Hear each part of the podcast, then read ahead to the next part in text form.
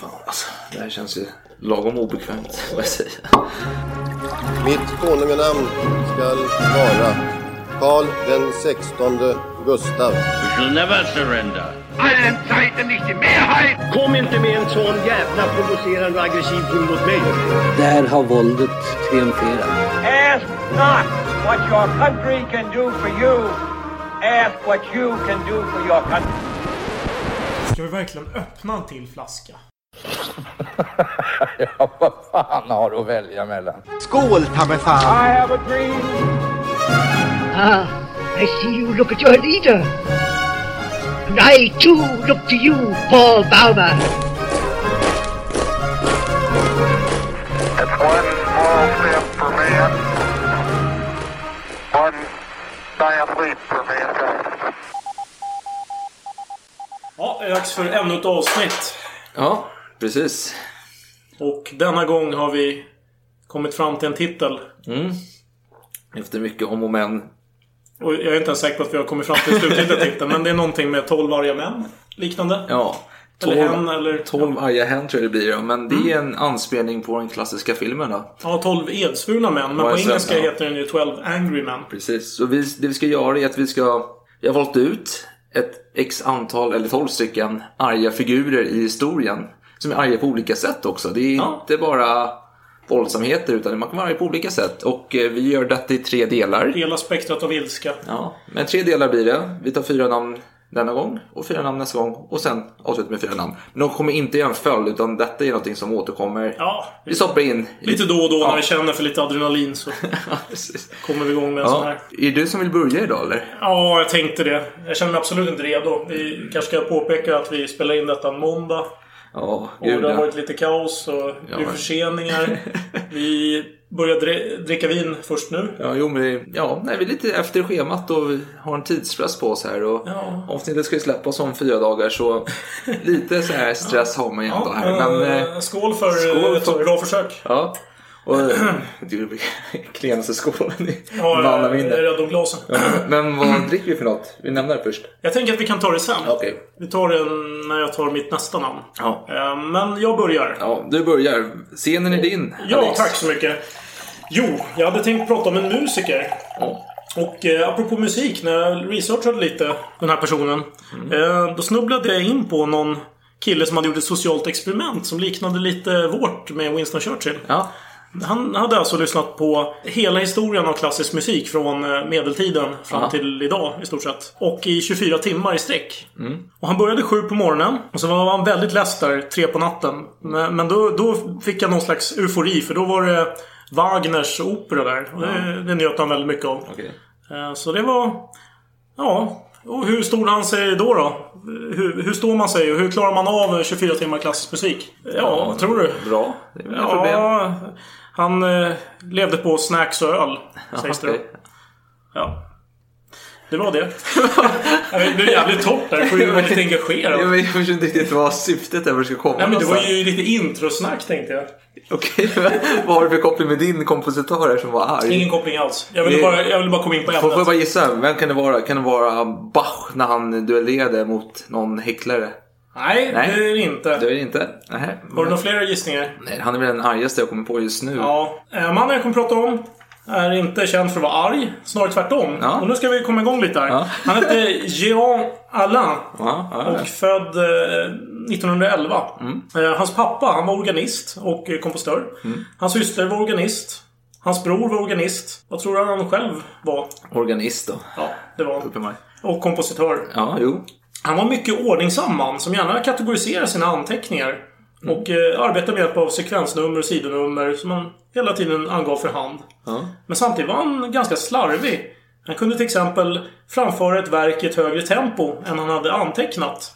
Och han skrev ibland fel datum. Detta kan man se bland hans operor som ofta inte är numrerade i kronologisk ordning.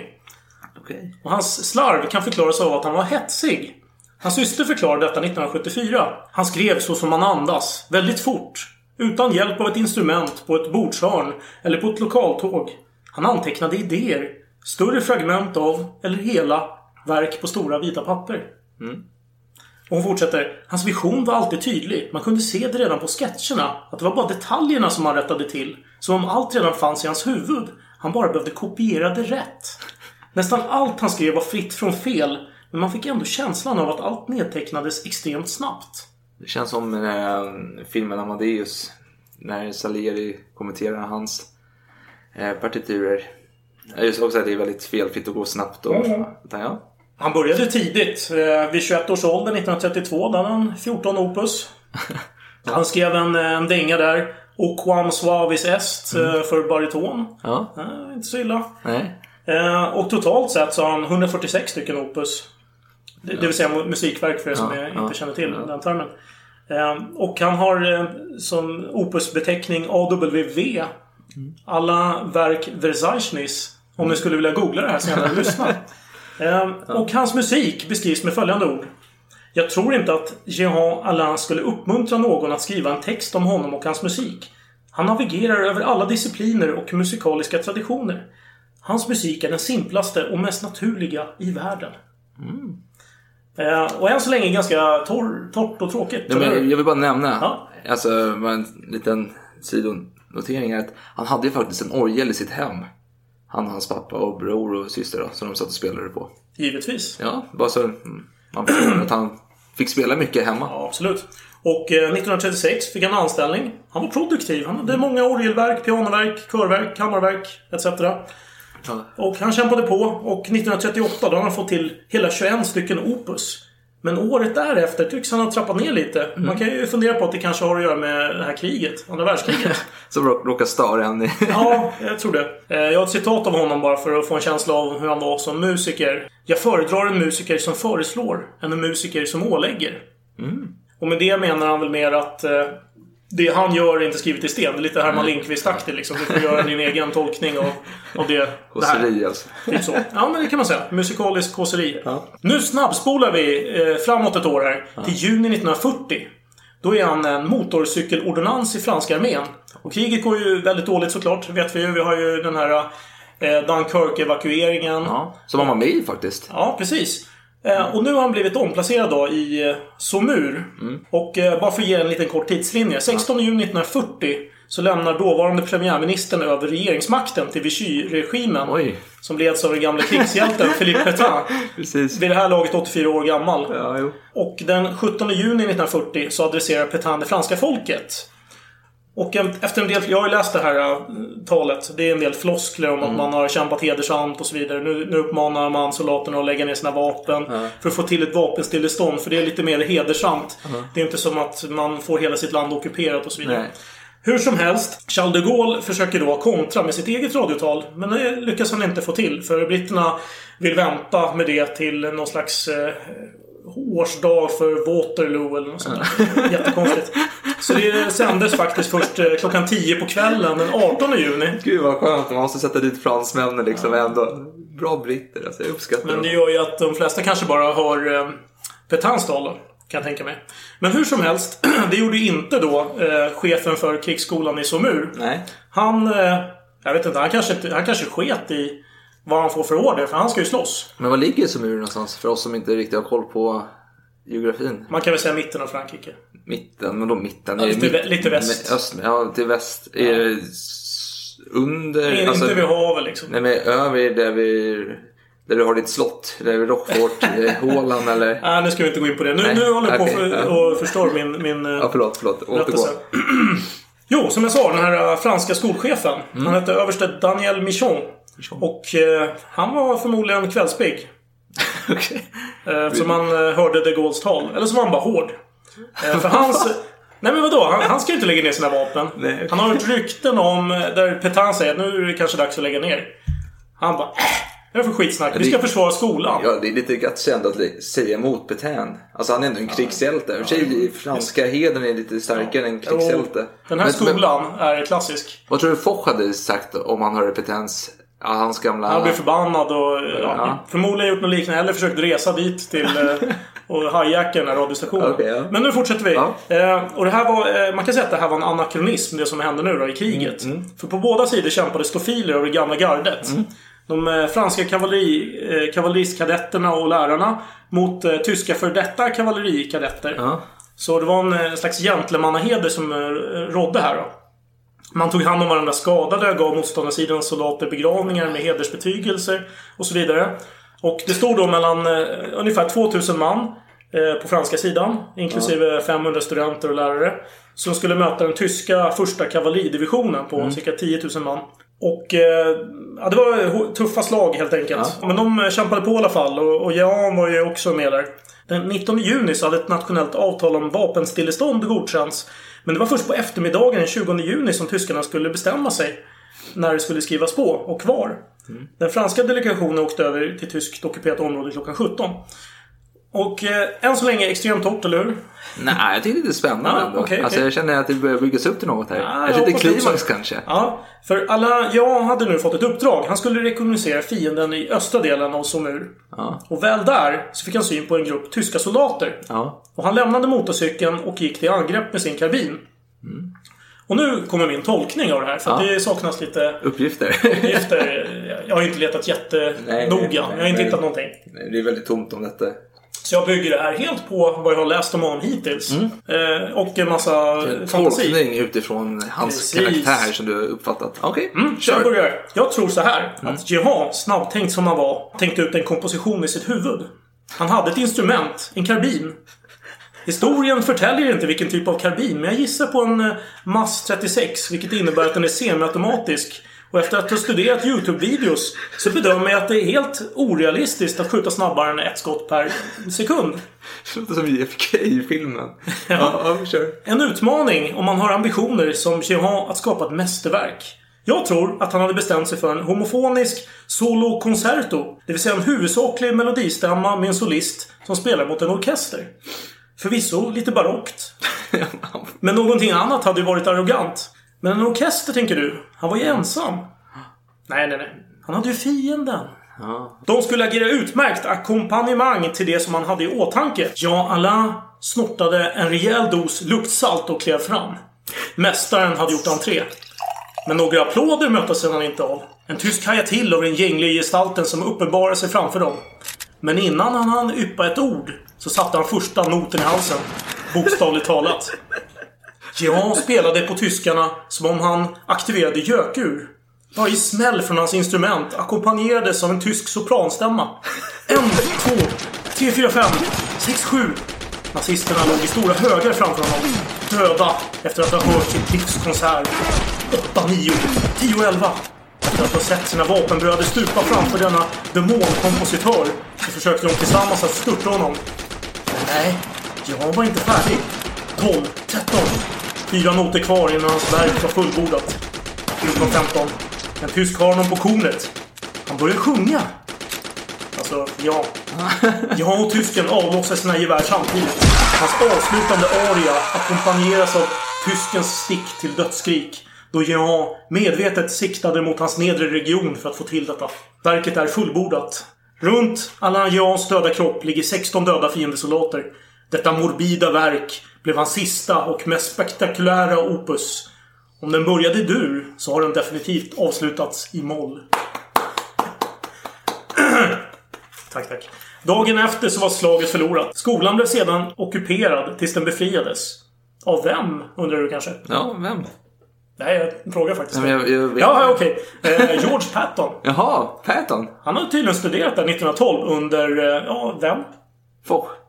Bra, men det var fel. Men det var nästan rätt.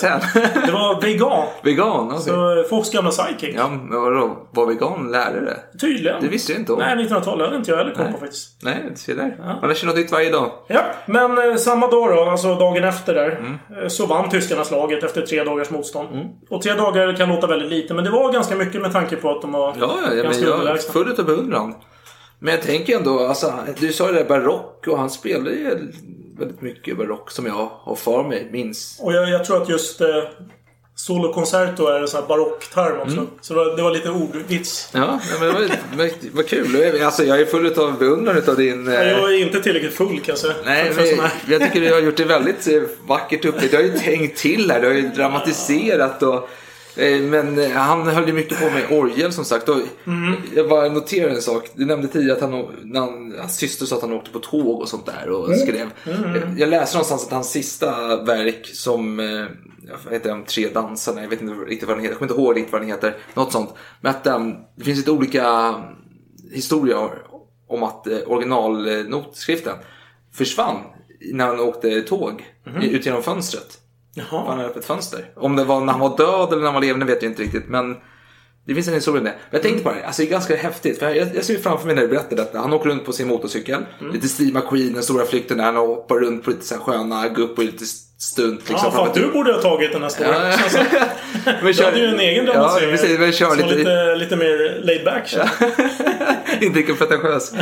Nej men jag uppskattar din... Men jag tänker bara så här. Man ser framför sig att han åker runt med så här skön frilla liksom. Ja, lite, cool Han ser ju ganska stel ut, alltså. Ja, men jo, i verkligheten. Ser har Jo, men han ser riktigt... eh, Alltså, han ser verkligen ut som en eh, nörd på KTH. Liksom, eh, som partikel... Fysik och sånt där. Jag vet ingen aning. Men, ja. Ja, han ser inte ut som att vara en, en hunk som spelar baseball i USA. Som Steve McQueen gör. Men i alla fall, det, det spelar ingen roll. Jag tänker bara, hur ska man själv reagera i det där läget? Han åker runt hörnet, han ser tyskarna. Gör man en Steve McQueen, hoppar runt, till sköna stund, blir tillfångatagen. Vänder man om och gömmer sig? Ja. Vad skulle du gjort? Det beror på hur mycket vin jag har i. Jag vet faktiskt inte. Det är väldigt svårt att säga. Men man får ju tänka också att eh, jag vet inte hur den här... eh, Hur det var just då, där och då. För det verkar som att ju, det var det här området så var det lite mer så här prestige och somur. Och det Ja, var ja. lite, Man har väl byggt upp någon slags eh, så här medeltidsstämning här med heder och så vidare. Jo, jo att men alltså jo, det, jag tänker som... han är lite påverkad av propaganda tänker jag. Ja, men- Rambrook, ja. Nej men jag tänker ändå så här att skulle, alltså, om jag skulle satt mig i Mm. den situationen, du åker dit. Du, antingen, jag skulle säkert vänt om. Du har ju typ 20 tyskar som är... Han skulle ju rekognosera så det räckte ju att notera hur många de är egentligen. Precis. Eller åker man fram till tyskarna och bara snackar och försöker snacka sig ur situationen. Typ som är schyssta slag på kavajen. Är det Hugo Boss liksom? Eller, Ja, precis. Ja, Eller han verkar- sköna, kängor i Puma. Alltså, man försöker komma undan liksom. Ja, den här dramatiseringen var ju uppenbarligen inte realistisk. Men man får ändå tänka, han var ju en musiker. Fast det han var ju ändå ganska realistiskt. Han hade sin tekniska... Ja, men han gick ju dit, alltså, jag tänker han, han, han är så här en from, eh, eller, fromheten själv helt enkelt. Men han är lugn, hedlig eh, orgel, eh, Han kan sina instrument. Ja, och han går dit, men där, där droppar han sig de här tyskarna i hans område. Han tänker, nu fan, jag har inga val. Alltså, hans franska Han såg det heder. som en uppgift också. Det var bara som, "Ja, nu ska sp- skriva pianoverket. Han hade ju Ja, redan i huvudet, han hade ju bestämt sig för vad han skulle göra. Ja, men alltså, ändå, han, han, gick, Han var kvicktänkt. ja, men han gick emot en säker, eller var han trögtänkt? Han gick emot en säker död när han skulle kunna Han fick vända om. koll på 16 stycken. Jag vet Han- inte hur många de var. i- Nej, nej, men han var, han var ju ändå en... Alltså, det kan nämnas att han var ju ändå en ganska populär kompositör Mm. för eftervärlden. Och hans syster dog väl för några år sedan tror jag. Ja, 2010, 10 år. Ja, någonting. 2013 och sånt där. Ja, hon var ju faktiskt med och eh, sammanställde hans eh, kompletta verk. För det var ju, Ja. Han hade ju visserligen sammanställt det själv 1938 men sen hade man hittat andra så här anteckningar och, Ja. och verk som han inte hade klassificerat. Och så. Ja, har nej, men, men jag tycker ändå detta var en intressant start på vårt program här. Eller vårt avsnitt rättare sagt. Eh, lite aggressiv ändå i stundens hetta, men inte annars. Ja, det är bra att du nämner det, för att eh, arg är väl kanske frågetecken på det. Men, men just blev- 16 stycken. Ja men han blev ju arg där. Han Ja, sa, jag tar, jag, tar, jag har tagit mycket skit i mitt liv men inte nu. Nu fan ska ni få. Var det något oljud någon förde kanske som han inte... någon ton där som ja, inte någon riktigt falsk, läste det. här, eh, Jag tänker tyskarna brukar ju alltid sjunga mycket. De kanske sjöng Ja. eh, falskt. Det kanske vi Eller, gjorde. men undrar om man sköt på sin kåper eller om man... Ja, men det är en annan femma. Nej, jag vet inte. Men vi, vi går vidare i alla fall. Mitt, nu, vet du vad? Nu är vi lite uppvärmda i alla fall. Ja, men jag, jag känner mig jag har ju druckit medan jag snackat här så jag, jag, är in, jag är glad här. Underbart. Men vi tar lite musik så pratar vi om klunk och så börjar min här.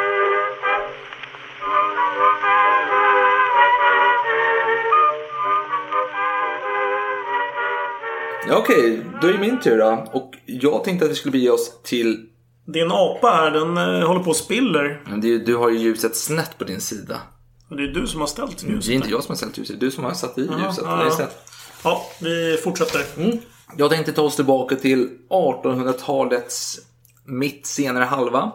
Och eh, då vet man att vi, eller man vet inte, men vi, jag, jag kan nämna nu att vi ska vara i England, London. Och då tänker du, Jack the Ripper. nej. Fast det är ju senare. Ja, är, men det blir slutet av Jag 1800-talet. vet inte varför jag tänker på det, men nej men, London, ja fan, varför tänkte jag på Bach när jag tänkte på arga eh, musiker? Du kunde ju tagit någon annan, säg någon tysk jag menar, alltså, Wagner och så här liknande som... Tror han var arg? Ja, men ja, men han hade sina affärer och sådär. Ja, Fast, fast Ja. Beethoven var ganska arg. Där på Napoleon vill jag Ja. minnas. Han var ju en stor eh, fan av Napoleon. Ja. Och sen förrådde Napoleon de här eh, idealen från revolutionen. Mm. Som han förbannades. Så höll han på att riva sönder sina egna verk där som Ja. han tillägnat. Ja, men det med, med rätta. Ja, jag ska inte störa mig. Kör, Nej, kör. nej men jag, jag tänkte att du skulle säga excentrisk britt här. Eh, ja, du tänker via... Nej, vänta nu. Det är ju... Eh, Ja, men han, han är senare också. Nej, jag tänker på en Caroline Progers. Ja, och det är en kvinna som uppenbarligen som föddes år 1829 under förmånliga omständigheter i ett hus i dagens Brockwell Park i Brixton. Som ligger, ja, jag tror att det är södra London, sydöstra någonstans där. Eh, och för 24 års ålder blev hon inlagd en tid vid ett mentalsjukhus. Det kan vara bra att ha i minne till det jag kommer. nu. Eh, men hon var på fri fot 1861 då hon tog en tur i Europa. Hon hade en årlig inkomst på 2000 pund, vilket idag motsvarar cirka 226 294,74 pund. Vilket motsvarar 2 682 172 kronor och 26 öre idag. Jaha. Hade hon det på fickan eller? Vad? Ja, det fick hon årlig inkomst. Årlig inkomst. Ja. Men det är alltid svårt det med årlig. För Ja. det låter jättemycket. Men sen när man delar upp det så Ja, blir men det dela ganska- två, men vänta, dela 2 miljoner Ja, det är mycket, det är mycket, 682 jävligt 172,26 kronor idag. Det Alltså räcker, per, på 12 det, räcker, månader. det räcker till många Magnumflaskor av det vi dricker. Ja, precis.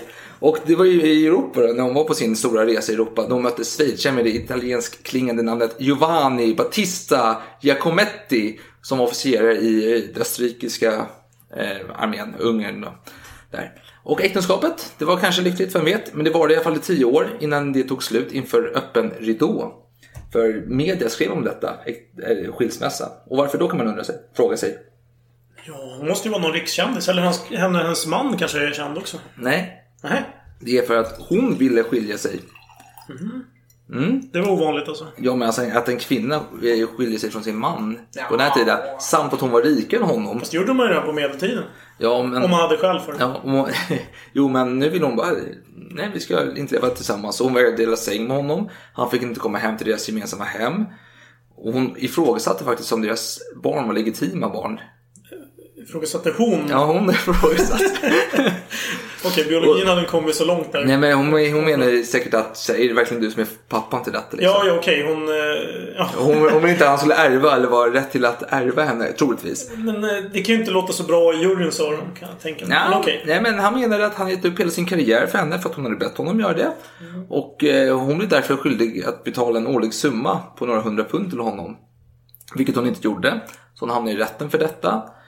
Men, eh, och ja, rätten blev hennes plats. Och så egentligen är detta namn i den som har mest koppling till filmen Ja, 12 Esurna män. som, som är eh, jury. men så, hon var en arg kvinna.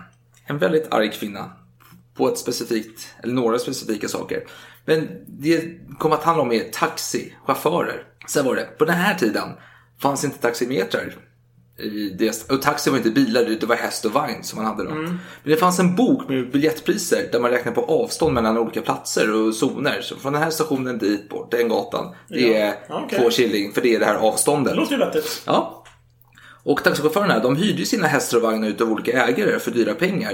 Och priserna kunde ju skifta beroende på högtid. Om det var, ja men nu är påsk liksom, men då går priserna upp. Så de hade väldigt svårt att gå runt taxichaufförerna. Och detta innebar att man eh, tog extra betalt för bagage, man försökte eh, ta upp priserna lite, man försökte lura Man kunderna. gör som Ryanair. Ja, precis. Ja, och de bästa offren, vilka är de? Kvinnor kanske? Ja, ensamma kvinnor. Fram tills nu när Caroline Project kommer. Hon tar, går till kamp för varenda kvinna här. Hon tar inte mer skit. Beväpnad med en bok, den här boken med biljettpriserna. Som innehöll, enligt vissa uppgifter, 14 800 000 prisuppgifter. Eh, så tog hon, ja, hon, hon körde taxi helt enkelt. Hon hoppade på taxivagnar och körde runt där. Och, eh, Men, men inte som chaufför? Nej, nej, nej, nej, som- nej, som passagerare. Och hon skulle jäklas med dessa chaufförer. Och det första fallet som det rapporteras om var en dispyt med en William Southwell. Och detta fall handlar om att hon vägrade betala William det han krävde då. Det var till med väntetider. Jag tycker det är svårt att förstå exakt alla detaljer när det handlar om 1800-talets mitt-taxiregler. Men Ja. det var något med väntetid i alla fall. Och eh, hon vägrade uppge namn och adress. Men det är rimligt. Hästar måste ju äta va? Och det, Ja. de kostar ju pengar så länge de äter och grejer. Ja, men- så väntetid måste Ja, men ju räknas in. ja, jo, jo. Det är inte som en taxibil. Den kan ju stänga av motorn. Ja, jo. jo. Men hon vägrade uppge namn och adress i alla fall. Och inte ens när polisen som passerade förbi upptäckte att det var lite dispyt där. Han la sig i. Han fick inte reda på något namn eller adress. Så han tog med henne till stationen. Och där blev hon förhörd och hon vägrade uppge namn och adress. Men till slut kom hon till rätten mot den här William då, taxichauffören. Och eh, William berättade att andra taxichaufförer hade varnat honom för henne. Så hon hade ett rykte om sig redan nu då. Eh, och han skulle ha koll på tiden också, att vara noga med detta. Och flera vittnen kom till Williams försvar och vittnade om att vilken tidpunkt hon klev in i taxin. Och på så sätt, jag vet att det är uselt för jag inte har alla detaljer kring vad väntetiden handlar om riktigt. Men hon förlorade i alla fall fallet och det var hennes första stora förlust i rätten då. Hon hamnade i flera fall. För hon drog ju alla till rätta hela tiden. För hon skulle Ja, stämma alla. Hon var en rättshaverist. Ja, ja, verkligen. Och inte långt därefter så var det dags igen mot en ny taxichaufför som krävde fyra shillings för en resa mellan Victoria Station och Houston Station. Och hon hävdade dock att det var värt eh, 3,6 shilling istället för 4 den här sträckan. Ja. Och rätten kom fram till att denna sträcka inte var uppmätt i boken.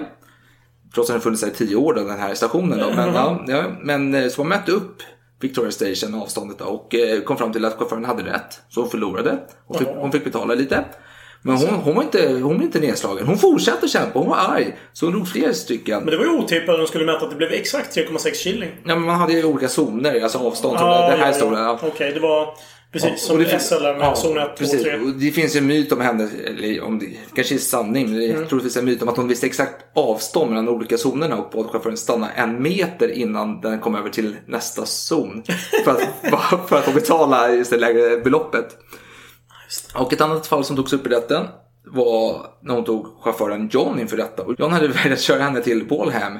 Och han hade plockat upp henne, men då hon vi- envisades med att åka med fönstret nere, trots att det spöregnade, eh, så blev resultatet att inredningen i taxin, vagnen då, blev helt förstört.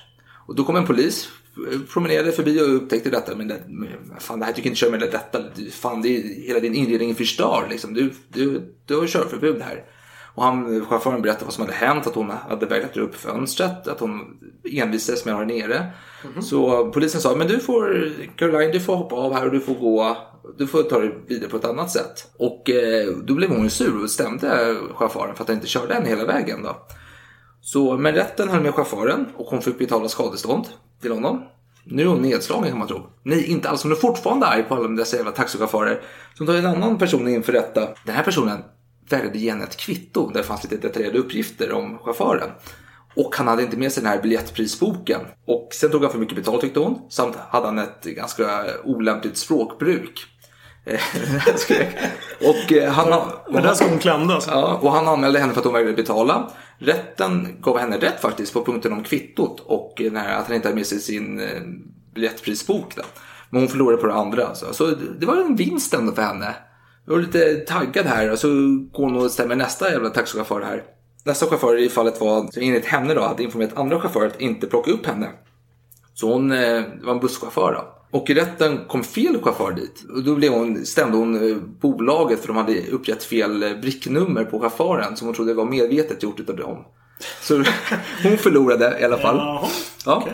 Och sen ett till fall här. En eh, chaufför ska köra en sträcka som enligt biljettprisboken kostar en shilling. Chauffören ansåg att sträckan var värd 1,6 shilling för det var tiden som det tog och avståndet. Då. Och man mätte märken och kom fram till att en skä- skälig ersättning är faktiskt 1,6 shilling för detta avstånd. Och, eh, men det som sägs i boken, som säger en shilling, är faktiskt rätt. Så därför fick chauffören eh, böta och betala 4,6 shilling till henne samt 5 shilling för att man uppmätt mark- marken. Då. Så han gjorde en stor förlust. Och det ska nämnas här, för intressant. Vänta nu, det där köper inte jag riktigt. Nej men det var så, boken har alltid rätt. Varför mätte man överhuvudtaget upp det om boken ändå har rätt? Ja, men- det är ju Ja, vansinne. Men okej, det- alright. Förlåt. Ja, ja, det, det var 100 år för sent Ja, att säga jo, till där. men- 200 år. Vad blir det? Ja. 150 år? Ja, ja Något sånt. något sånt. Och eh, det, det kunde hända att hon gick in i rätten bara för att jävlas med chauffören. Hon visste att hon hade ett dåligt case. Och när hon insåg att hon skulle förlora så drog hon sig ut och fick betala en liten skadestånd på två shilling. Det hade hon råd med. Men chauffören hade gett upp ett heldagsverk. Alltså han hade förlorat inkomst för en hel dag för att sitta i rätten och tjafsa med henne. Och hon drog sig undan. Så hon, hon var jävligt bra på att jävlas helt enkelt. Men frågan är hur ofta jävlades hon jämfört med... Alltså hur många gånger åkte hon taxi? Väldigt mycket, hela tiden. Ja, så det var ju ändå inte varje taxichaufför hon jävlas med. Ja, mer eller mindre. Är det så? Ja, alltså hon drog upp över 50 taxichaufförer till Mm. rätten. Men hur, åkte hon typ fem gånger om dagen eller? Ja, men jag har ingen aning, men väldigt mycket uppenbarligen. och, det var ju, och det kunde vara massa saker som att hon, eh, chauffören var tvungen att ta lite extra betalt för att eh, han tog en annan väg för att det var avstängt på den vägen han skulle åka och då stämde hon dem. Mm. Taxichaufförerna fick ju rätt men hon behövde ju bara betala så lite. Alltså hon hade ju Ja, två ja, ja. miljoner per år liksom i Hon, hon ville skrämma taxichaufförerna så att de skulle ge henne rabatt. Ja, nej, men för att, eh, att de inte skulle jävlas med kvinnor. Med kvinnor tror du att det var Ja. det, det som var grejen? Ja, men ensamma kvinnor var ju det största offret för... Men var det någonting som hon uppmärksammade också? Ja, eller ja, någonting man ja. ja hon, hon beskrevs ju i sin tid som Jaha. nutidens Jeanne d'Arc, liksom, fast för kvinnor som åker taxi. Jag förstår. Okej, ja. men det, då får man en helt annan bild av det. Och sen var det ett fall där man eh, mätte upp och eh, chauffören såg ut att vinna och då drog man sig undan då. Och skulle betala ett skadestånd för han hade förlorat massa pengar för att eh, vara i rätten och mäta upp märken. Men sen eh, kom det fram sen att det här mätinstrumentet var fel på. Och drog sig chauffören undan så hon slapp betala skadeståndet då. Så det, hon höll på sig i fyra år höll hon på faktiskt. 50 domar på fyra år. Lite olika uppgifter. Vissa säger att hon vann. De flesta. Vissa säger att hon förlorar. De exempel jag hittat är att hon förlorade. Jag hittade faktiskt en bok från 1870-talet, Smith där. En här engelsk eh, brottsbok då. Så jag tänkte bara, fan nu går jag till källan direkt och läser journalerna direkt Ja, från. och så var det om hennes pappa. Så, eh, eh, han sa att hon skulle ärva honom när han dog. Det var så här, ja. ja, det, Ja, ja. antiklimax. Ja, verkligen. Men eh, hon höll på i alla fall. Domaren sa till mig en gång att så här, du, varför köper du inte bara en häst och en vagn? Skulle det vara billigare för dig att gå till rätten? Och enligt ryktet så brände taxichauffören en avbild utav henne under Guy Fawkes-natten. Alltså när, när, man bränner, när man stora bål. Som hon anmälde, men hon förlorade kampen också. Men det var inte bara taxichauffören som drog till rätten. Hon stämde en tidningsförsäljare för att han har tagit sönder hennes klänning då ett bråk uppstod när hon vägrade betala fullt pris för en tidning som hon trodde att hon var med i. Hon stämde en urmakare som levererade fel klocka till hennes hem. Hon stämde en kock som hon hade sparkat men som vägrade flytta på sig. Så hon stämde det mesta. Fast det där med klocka, det låter ju knappast som någon sån här kvinnofientligt att skicka fel klocka. Det, det låter ju bara Nej, som nej, att nej, hon nej, vill men, men, hon, till. hon låg på mentalsjukhus. Ja, jo, okej, okej. Bra. hon- Bra hon- att vi fick lite nyanserad bild av det hela. Och efter detta åkte hon Mm. runt, i, runt i Europa och sen kom hon hem och så dog hon år 1890. Och då kunde man läsa följande i tidningarna. Av... Ja, det vet jag faktiskt. Det var en bra twist faktiskt. Men så var det inte. Sen stod det i tidningen i alla fall. Giacometti Progers, taxichaufförerna i Londons skräck, är död. Hennes vana var att färdas den längsta möjliga sträckan för beloppet, betala den exakta taxan och sedan orsaka gripande av chauffören för att han uttryckt sina känslor. Vad är det för känslor?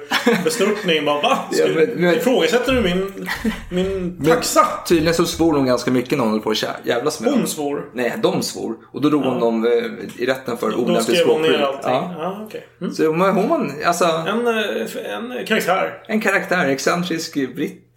Tänker jag liksom. Det var det jag hade om henne. Ja, nej, men det var intressant. Upplysande. Ja, nu börjar vi igen.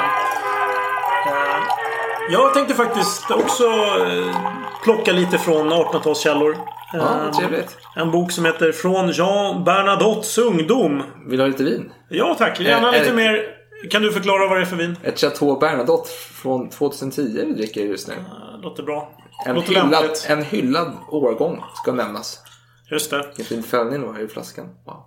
Ja, Ja. ja okej. Eh, 1800-talsbok. Ja, Bernadotte. 1889, Fredrik Ulrik Wrangel. Oj, trevligt. Och det här är ingen biografi om Jean-Baptiste Jules Bernadotte. Som Mm. i och för sig kallar sig själv bara för Jean. Ha? Sedermera Karl XIV Johan. Ja. Eh, det är det ju inte. Så att det här är bara korthuggna eh, små anekdoter egentligen. Men får jag bara dra något såhär... Ja, men kör. Det, ord, alltså någon såhär... Jag tänkte på, det var ju Mörner som eh, Som drog hem honom där. drog hem honom från... Och vi har en annan Mörner i avsnittet om... Eh, ja.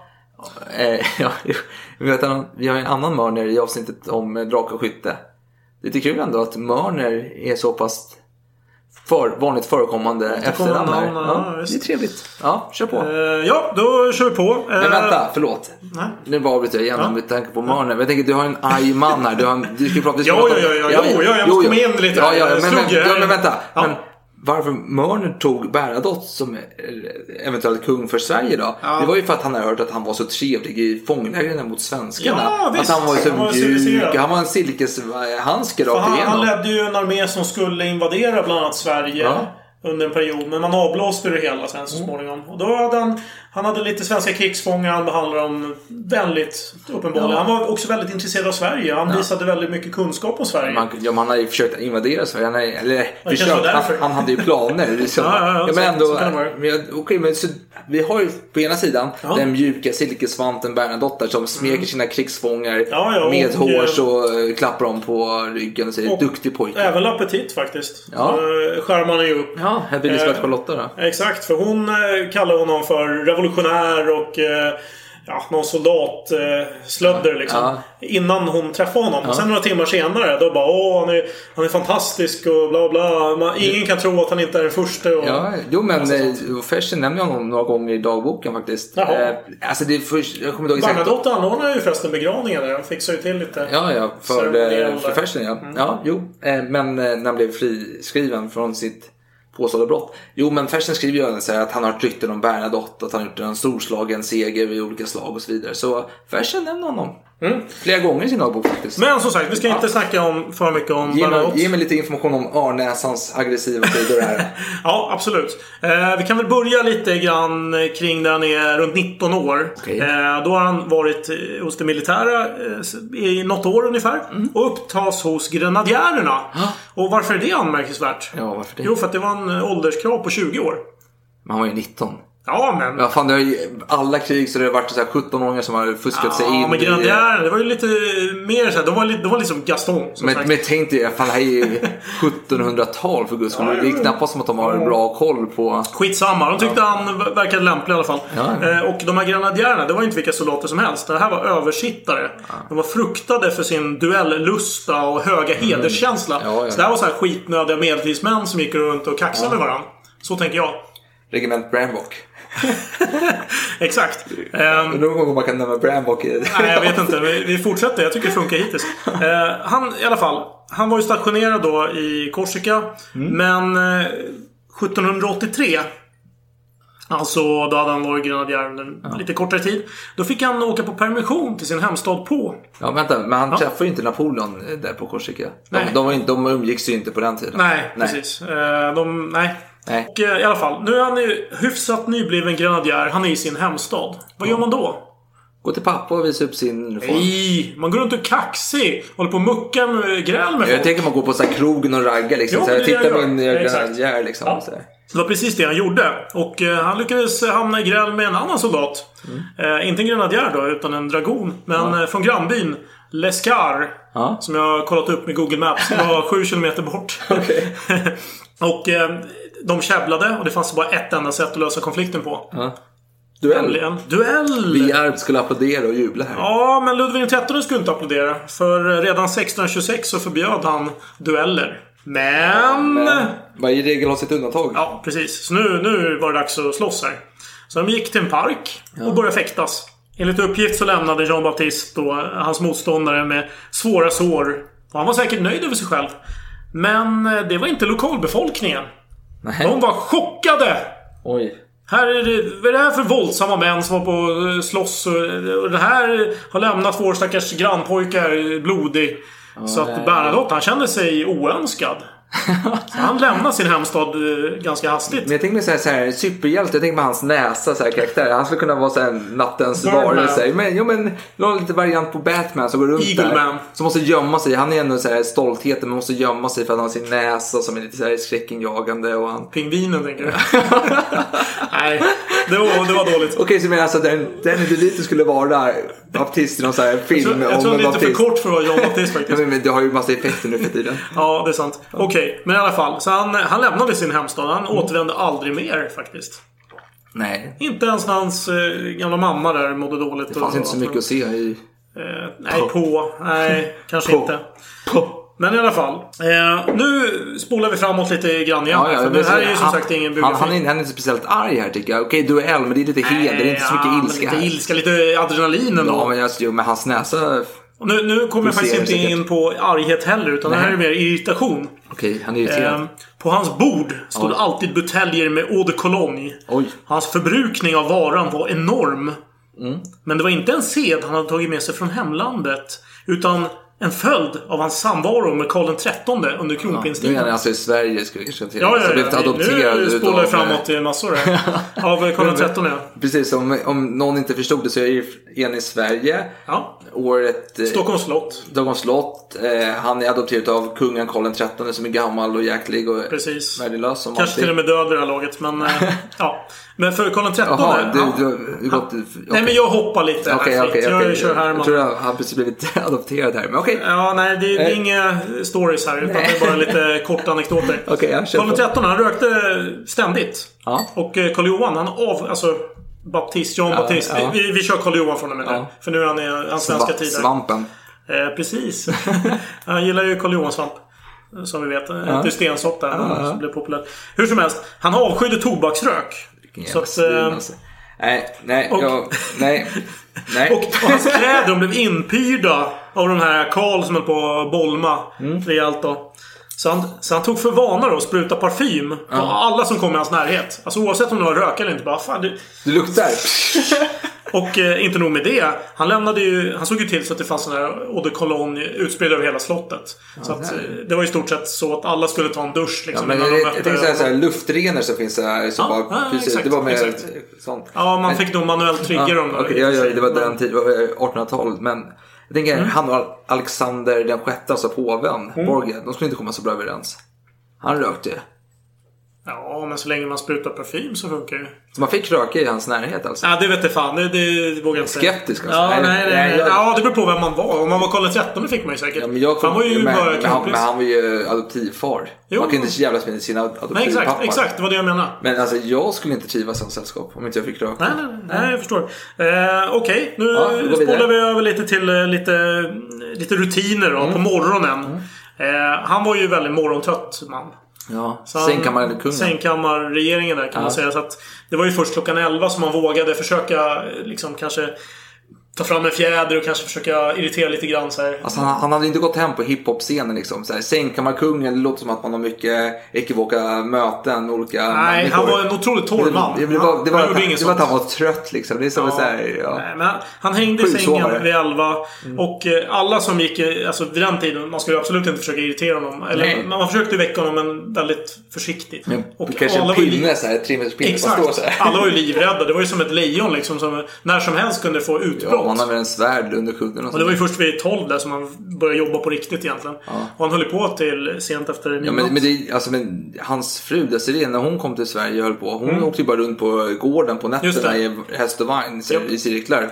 Och, så hon var ju likadan. Det kanske är det franska modet. Och han gillade inte landet heller. Han hängde ju i staden bara. Han, han hade inga fester eller någonting. Nej, men han var alltså, helt ointressant. Han bara jobbade hela tiden. Stockholm var ju som landet jämfört med Paris. Fast nu ska vi inte in Ja, på biografi om honom. Jag, jag Vi- vill veta hans ilska nu. Ja, ja, Ge ja mig lite. Kom igen Eh, nu. Ja, och då bara dra ett citat där. Han bara Han hade alltid nära till värjan. Mm. Kunde dra blankt under en budgetdebatt i ett regeringsmöte. Ja, alltså. Nu är det visserligen eh, Herman här som är källa så det, det, det får du ta med en nypa salt. Eh, eh, och ett annat bara lösryckt citat. De flesta av ämbetsmännen steg fram med darrande knän. För Karl Johan kunde plötsligt få ett vredesutbrott och ösa etter och galla över den som förargat honom. Det hände att tjänstemän stapplade gråtande ut ur rummet. Ofta kunde det vara någon artikel i dagens tidning som förargade kungen.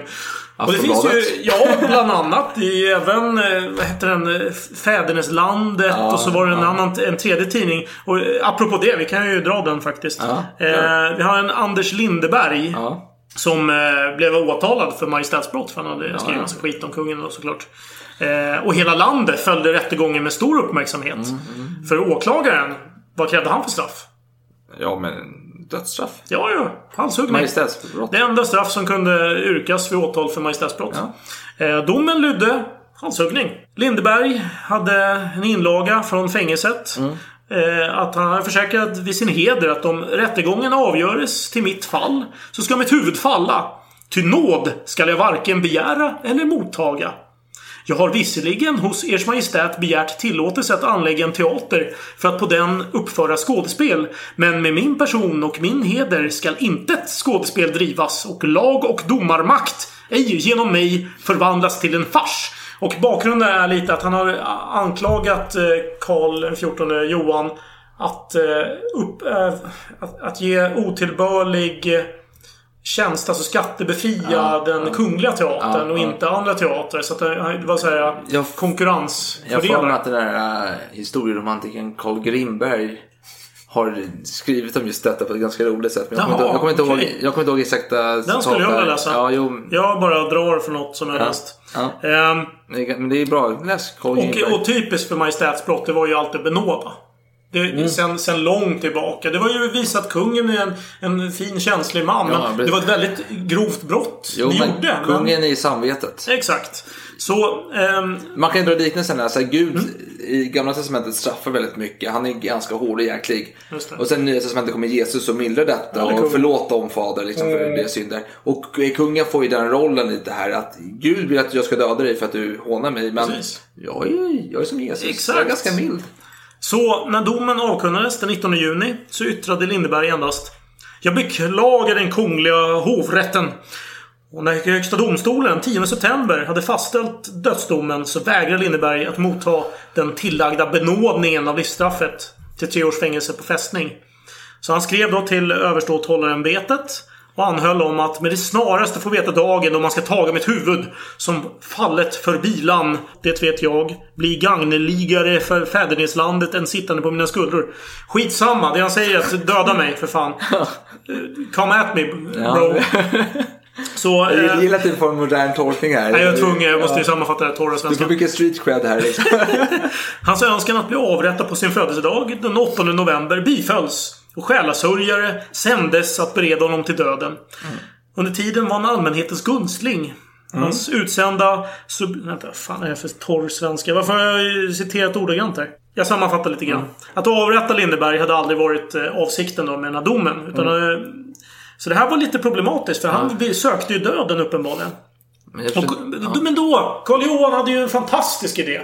Jag förstår inte hur det kan vara problematiskt. Alltså, det är inte så att han bestämmer själv. Vill han ta livet av sig får han väl göra det. Men det är inte samma sak som han att vill, staten han vill bli dömd. Han har ju fått en dom. Ja, han- att han, ja, han han vill att den ska verkställas. Ja, men han, fick, han blev ju benådad. Det, Ja, det, men- det är inte så att han har någonting att säga till om det. Här, Ja. ursäkta, Ja, ja, eh, ja. Alltså, jag vill inte ha den Nej, här domen. nej okej, okej. Ja, du, du, du kommer få din poäng här till Ja. slut ändå. Men Ja. Karl Johan i alla fall.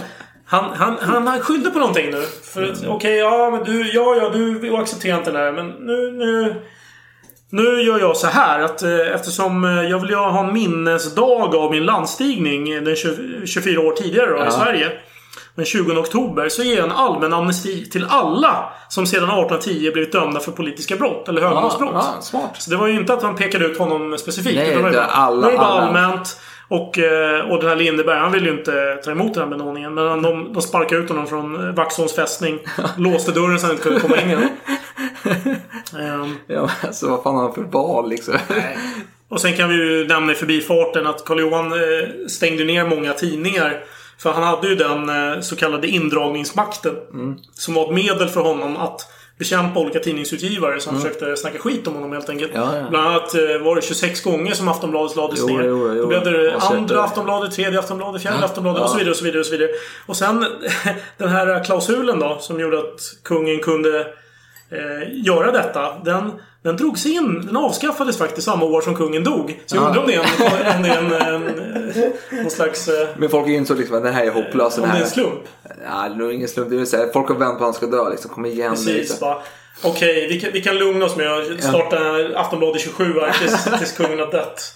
Det är så du tänker? Ja, men det blir lite mer ilska. Jag känner mig... Ja, ja, förlåt, förlåt. Jag ska För jag tänker mig ändå så här, för Caroline, Caroline eh, Progers, hon var lite mer så här passiv, ilska. Passivt aggressiv. Ja, men hon, hon tar dem till rätta. Men eh, Bernadotte känns mer som en eh, utagerande. Han kan... Eller, Det är han, absolut. Han är mer en utagerande, Ja. aggressiv man. ja, än- han har ju stått i Wien och hetsat mot pöbeln när de försökt storma liksom. Han har gått med värjande hand där. Ja, ge, mig Wien, lite, ja. ja, men ge mig lite något, Ja, ja, ja, någonting bra att, du, greppa bra att du tar den här med vin. Nu behöver inte jag ta den. Nej, ja, förlåt, Eh, nej, men jag, jag har faktiskt inte tänkt ta den Det, jag tänkte att jag hade hoppat förbi det redan. Jo, nej, men ja, nej, vi, vi ska inte gå in på den. Nej, vi skiter den faktiskt.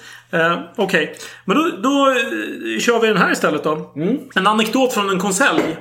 Eh, och en konselj, det är när regeringen ska... Det är ett Ja, regeringssammanträffande. hems, hemska Eh, saker. Det finns ju fortfarande faktiskt. Och det finns en tradition från Jo, de här men det finns ju något hemskt när man skulle, när Karl den trettonde i, på Drottningholm drog, konselj för att eh, slutgiltigt döma de inblandade i eh, mordet på hans bror då, Gustav III. Ja, och han tyckte att han ville döma dem till döden men hans bror hade ju sagt till honom i förtroende att han ville att han skulle benåda dem då. Vilket är väldigt troligt. Skitsack. Ja, ja, nu ska, Ja, nu ska inte du trashtalka Karl XIII här. Utan nu ska vi istället prata om hans adoptivson. Ja, eh, och och jag ville bara nämna att i konselj, det finns tydligen en tradition att dricka vin. Att eh, man är van vid att vänta på kungen. Sen Karl XIVs tid. Ja, Så att det serveras vin, fint vin. ja. Och eh, nuvarande kung, eh, Karl XVI Gustav, hade ju sett en räkning från den där. Fan vad är det här? Så, ganska fint vin liksom. Så var det någon, eh, någon minister som bara, Ja, nej det här, får, det här får absolut inte avsluta. Så Nej, jag, tror, jag tror att det är än idag. ja så, så kungen tänkte så här, okej. Ja, bra, nu, nu, vi tar bort det där. Vi, vi tar bort det. Det känns ju lite primitivt, eller lite gammaldags. Ja, men, men vadå, vad menar du? Hade han så här Romania Conti i Wien här som skulle Ja, bjuda misstänker på tror Löfven och Dahlberg? Eller Jag tror de- nästan det. Damberg, ja, de Ja, heter. ja, Ja. jag tror faktiskt sen det. tänkte han så här, nej fan det här ska jag ha själv på kammaren. Exakt, När jag tror jag, det. när jag sitter med Carl Philip och snackar skit Ja, om lumpenminnen liksom. Exakt, det är precis så jag tror att det är. Så jag tänkte bara, fan vad är det här för onödig utgiftspost? Jag skulle kunna köpa en Romani Conti från 45. Nu är jag tvungen att köpa från 70-talet. Vad är det för skit? Men, men men nu, jag hoppas du tar eh, hans eh, fonologiska... Ja, ja, ja. Okej, nu... Vi gör så här. Vi, vi, jag låter mig köra klart så får Ja, du ja. komplettera sen. Ja. Eh, I alla fall, det här är från en konselj. En person hade i berusat tillstånd ropat att han sket i Kungliga Majestät och dess förordningar. Oj. Ja, så en övernitisk tjänsteman, eller ja, övernitisk. Eh, Du får kommentera. Nej, nej. Nej, en, en tjänsteman jag- jag hade anmält den berusade mannen då för ma majestätsförbrytelse. En korrekt. Och ett så allvarligt brott måste tas upp av regeringen såklart. Ja, ja. Självklart. Okej, och det här var ju bara ett struntärende såklart. Men det här blev eh, lång, hamnade i långbänk. Ja. Och till sist dunkade kungen näven i bordet och ropade Tyst! Tyst! Jag skiter i karn tillbaka! Och så vill jag inte höra talas om saken mera! Så den kungliga benådningen utfärdades omedelbart. Ja. Det var ju... Det var lite ilska där. Ja, lite ilska. Men det var lite mer så här att han, han hade viktigare saker att göra. Han ville gå och lägga sig i sitt duntäcke och mysa liksom. Fast han är ju inte, han är inte kvällstrött. Så det här kanske var om det var tidigt möte eller något. Ja, men, men han vill gå tillbaka till sängen. Ja, men alltså, han, det, var, det var ju bara hans rum som egentligen var uppvärmt på slottet. Alltså, han tyckte det var kallt i annars. Han la sig där under sitt täcke och hade en... Sen hade han ett speciellt täcke för sina fötter också. Ja. Så hade han en- päls. Några några ekorre tror jag. Ja, så hade En han en vinterekorre. Pengapåse under huvudkudden ifall det skulle bli en men det, det statskupp. var tydligen från eh, Gustav IV Adolf. Han hade Ja. tydligen, i samband med den här kuppen där, så väntade han tydligen på riksdaler. Ja. Sägs det då. Enligt Herman. eh, så då, då tänkte ju Karl inte göra samma misstag. Han måste ju ha kontanterna nära. Ifall det skulle bli statskupp eller ja, liknande så måste han revolution, med Då måste han pengarna. dra med sina pengar. För han har ju faktiskt betalat Sveriges statsskuld. Så Just han det. har gjort en stor investering i Sverige. Ja, absolut. Han var ju Sveriges rikaste man när han kom till Sverige. Och han hade flera hundra miljoner i dagens penningvärde. Men ändå hålla på att räkna ören. För han hade gamla eh, ja, vanor från sin tid. Ingvar Kamprad-stuket liksom. Ja, så här. verkligen. Men det, det var säkert bra. Det var, det, du har hört historien med Kamprad när han eh, skulle äta lunch på Ikea. Ja, han klagade på att korven inte var rabatterad för en viss dag. Ja, ja men det var så här, det var extra pris mellan visst klockslag. Och så var det inte när han beställde typ så här, två minuter i, innan klockslaget tog slut. Så gick han och klagade det typ så här, två kronors skillnad. Fick sina två kronor, ja. Fantastiskt. Roligt. Ja, jag har egentligen inte... Men har, har, har ni, jag, Jag har har en ett sista. klimax. Ett klimax. Ja, det har jag. Ja, Ett okej, klimax ge mig ett jag. klimax här. Eh, Okej, klimax är... Nu spolar vi ännu mer framåt till egentligen...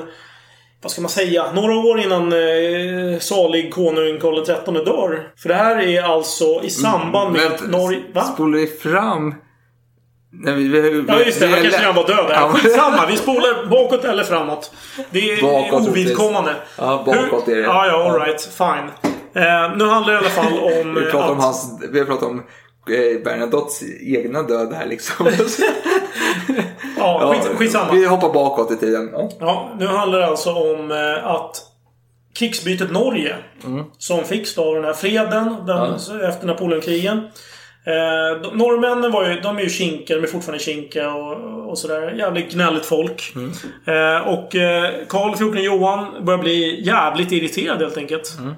Så han, han eh, uttalar sig enligt då Magnus Brahe som är hans, eh, vad ska man säga, sidekick. Ja. Lite som eh, Vegan till Foch. Ja, det är Paul Schaefer i David Letterman här. Ja, ja, ja. Till Ja. Letterman. Ja, Ja. jo, det... Fast ja, musis, musiker är väl inte riktigt... Ja, men han sitter lite såhär Bra skön, skön, bra flint, glasögon.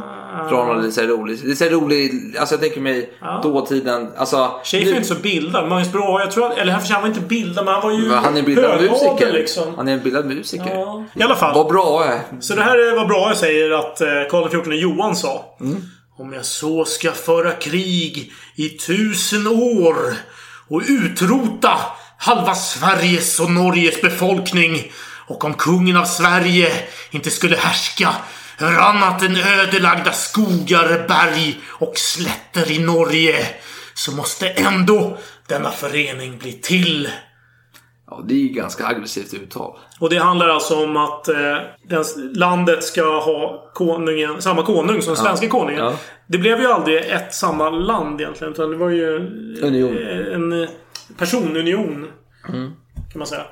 Ja, men det var ju ändå ett ganska Ja. bra avslut på Ja, en det får duga. berusad... Det finns säkert många mer aggressiva historier om eh, Jean Baptiste. Men eh, tiden räckte inte till. Nej, okej. Så nu är det din tur. Ja.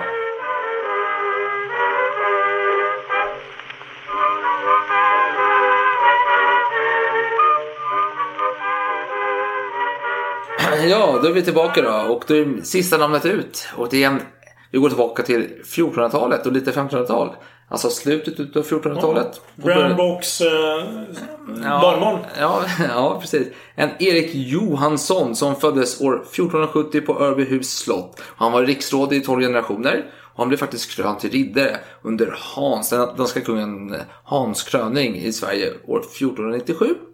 Men det var en våldsam person detta. Det ligger i släkten om vi säger så, för han hade våldsamma förfäder. Låt mig presentera först Kettil Karlsson som studerade vid utländska universitet och blev biskop vid Linköping vid en ålder av 25 år. Kristen som han var så deltog han självklart i slag. Han samlade bland annat dalkarlar och spöade Kristian den första år 1464. Men han dog dock i passen året därpå då, ligger begravd i Linköpings domkyrka. Så han fick ju inte yttra sitt våldsbehov mer än så då. Men det är ändå bra start tänker jag. Och han hade en bror som hette Erik Karlsson och han hade kämpat på danskarnas sida mot Karl Knutsson bonde och Sturarna. Och han utsåg sig själv som hövitsman. Alltså, en, Hövitsman. Ja. En fin man då eller? ja men alltså det, det har olika betydelser vid olika tidpunkter. Men eh, ja. kungens fogde i vissa perioder. Och han skrev enligt Karlskrönikan, alltså en krönika som beställdes utav eh, Karl Knutsson bonde, en fin liten dikt till sin fru. Så här gick den. Kära hustru, vet mig går väl i hand. Under mig falla alla land. Hav nu ett gott mod, ty alla falla mig till fot. Fröjda dig och ära, mig hoppas du skall i Sverige krona bära. Det är ganska bra dikt ändå liksom, men i ett misslyckat försök att krossa Sturena fick han fly till Danmark. Han var inte lika lycksam i sina våldsamma försök. då. Men han eh, sökte revansch vid slaget vid Brunkeberg år 1471, men förlorade. Och efter det här slaget så slöt han fred med Sturarna. Han var våldsam. Han var så våldsam att han och hans män våldgästade en präst på hans prästgård då, i Södermanland. Och som brukligt blev det lite stökigt för prästens grabbar är inte att leka med heller. De, de vet ju hur man slåss för Jesus här. Så de tar sitt nattvard och tar bra, bra jabbar liksom. Så det blev jävligt stökigt och Erik Karlsson han blev så svårt skadad att han sedan avled under detta tumult. Och prästen fick en dom. Han var tvungen att bygga ett altare över Erik Karlssons grav och sedan bli munk och dagligen be för den döda Erik Karlssons själ. Var en skön straff ändå. Jag ändå liksom så här, du blir... Alltså här kommer Erik Karlsson våldgäster dig liksom. Säkert riktigt så här... äh, Svin. Ja men så här, jag tänker så här rött skägg och lite så här buske liksom så bara går runt där. Lite Game of Thrones, som en sån här norsk jätte som går runt Ja, liksom. ja, han ja. ja. Mm. Ja. Och så kommer den här prästen försvara sig så får han som Ja, straff... men det skulle inte den norska jätten göra. Det låter ju mer som eh, The Mountain eller någon Ja, annan ja. mer aggressiv person. Jo, jo, Tänker jag. ja, jo, så kan det vara. Orättfärdig. Men Erik Johanssons far, alltså huvudpersonens far, Mm var också en stökig lirare som hamnade ofta i arvstvister och godsköp och sånt där. Och när de inte föll väl ut som han ville så tog han det han ville med våld då. Han använde näven för att få det han ville ha. Min huvudperson, Erik Johanssons bror, var också våldsam. Han fälldes för hemfridsbrott. Och eh, brorsonen, Gustav Kristersson, gick bananas på ett stormansgille då han hamnade i slagsmål. Han blev knivhuggen och däckade. Men kort därpå hamnade han i en arvstvist där han lyckades med konststycket att döda fem personer med egen hand. Sen dog han ju själv 23 år gammal, så det är inte så långa liv här vi pratar om. Men åter till min huvudperson då, Erik Johansson. Han har ett fullt register med brott. Dels hade han och hans män brutit sig in i Ekerö kyrka och plundrat det på värdefulla föremål. Han hade misshandlat diverse människor. Han och hans man hade eh, trängt in i Frösunda prästgård i Uppland. Där de våldtog en piga, trängde henne att visa prästens ägodelar, sönderslog bord, kistor och dörrar, åt och kött på fredagen som varken ryssar eller hedningar skulle ha gjort. Ett kött på fredag. Det, det var ju lite kontrast mot tidigare brott. Ja, jag, jag okej. menar liksom Ja, det svårt Våldtäkt, äta kött på fredag. Ja, ja. det, det, det Ja. vägde i samma Ja, skål där till en. Och han hade hoppat på riksrådet Bjelke. Och där hans son hade varit delaktig i intrykten också. Han hade dödat en tjuvskytt som hade varit på hans ägor. Han hade kontakter i rättsväsendet om vi säger så. Så han klarade sig ganska bra. Men han fick ändå lova att han eh, om han fann några fattiga borgare hugga ved hans skog blev tvungen att icke vidare dem slå, hamra och hantera som andra oskäliga skogsdjur, ryssar eller dödsfiender. Ja. Ja. Ska du förklara det? Nej, man fick inte, man fick inte attackera helt Nej, enkelt nej. Folk som var i hans skog och högg ved. Han fick inte behandlas som ryssar. eller skogsdjur.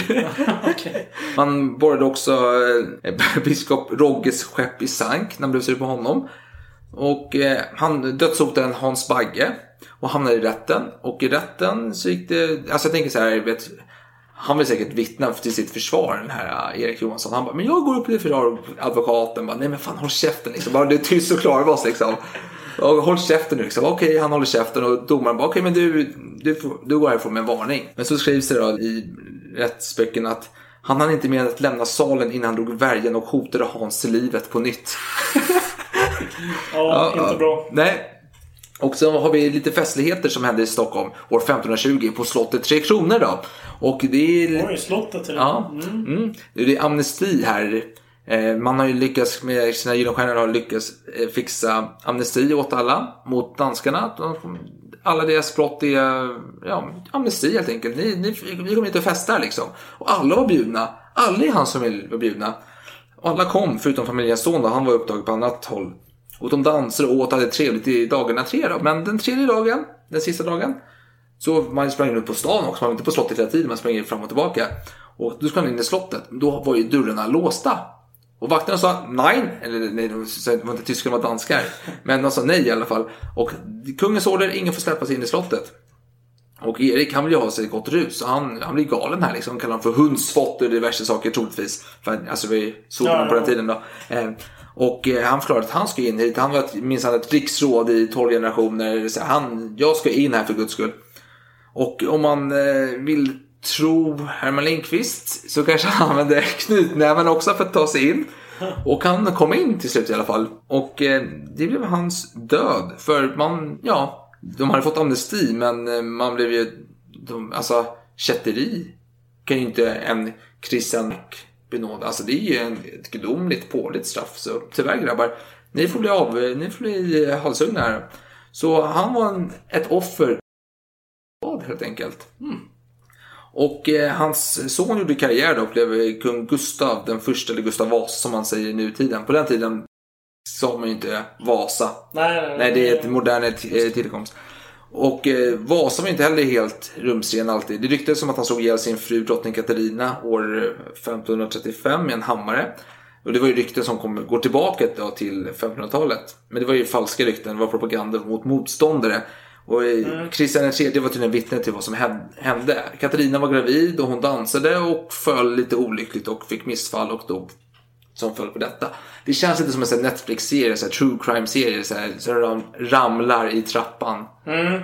Jag tänker på det här med, med anklagelserna och ryktena och sådär. Var det inte så att tyskarna stödde det där upproret som svenskarna gjorde? Men sen när, när Vasa gjorde, visade tecken på att han inte skulle ja, hjälpa dem. Ja, Eller vad det nu var. Ja, de hade någon deal helt ja. enkelt. Han bröt med den dealen. Då ville de ju få koll på honom. ja, ja såklart man ville. Och eh, det kan nämnas att eh, Vas, alltså Erik Johanssons barnbarn, alltså Vasas eh, barn, var också lite smågalna. Erik XIV dödade eh, lite folk, sin lärare bland annat. Och eh, Johan den tredje slog ju personal som han tyckte störde honom med en hammare. Alltså det, Mm, det är lite otrevliga gener där. ovårdad släkt så att säga. Men eh, Erik Johansson då, Gustav Vasas pappa, han beskrivs utav historikern Hans Gillingstam som ovanligt svagt nummer inom sin lysande ett. Ja, det är hårda ord för den... eh, Ja, jo, han ansågs ju oftast alltså, utav, på dåtid som en... eh, Alltså att han drog eh, åtlöjlig över sig själv helt enkelt. Ja, han, var, han var en kuf och vålds, Vålds, dåd- våldsverkare. Ja. Ja, nej men... eh, det var det jag hade. Det var en twist ändå. Att det var Gustav Vasas far. Ja, jo men det förstod väl du från Ja, början jo, misstänker. För er som inte förstod det så var det en liten twist där kanske. Ja men eh, jag måste säga att du, du tog denna runda på knockout Nej, det gjorde jag absolut inte. Jo men jag, jag tänker din, eh, eh, torrt. din, Torrt. din, din väldigt dramatiska tolkningar utav eh, Jean eh, Alain. Säger man så? Ja, alltså, Jean- det är lite Jean roliga är att ja, det uttalas ju på samma sätt som jätte. Ja. Faktiskt. Jaha. Så jätten, alla... Ja, nej men tack för okej. oss idag. Ja, jo, vi, vi får eh, tacka Ja, för oss. Vi har Facebook, Instagram, hela kittet. Ni når oss där om ni vill någonting. Annars syns vi om två veckor. Hej då! Au revoir, som man säger i det stora Auf landet. Wiedersehen! Som man sa det i Somur Ja, 1940. efter han dog där i alla fall.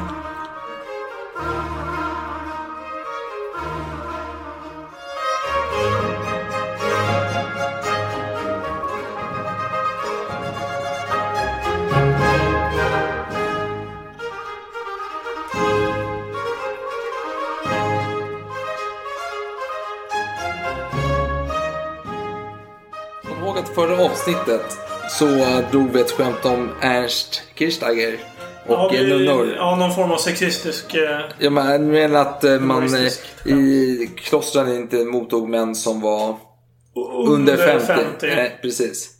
Och då Så- har du upptäckt att det var över 50 trots allt. Ja, nej, men jag tänkte att Ernst skulle kommit in där. Och så, Ja, då, ja. och så bara när jag höll på att redigera avsnittet. Utav en ren slump. Mm. Så råkade jag springa över ett citat från Ernst.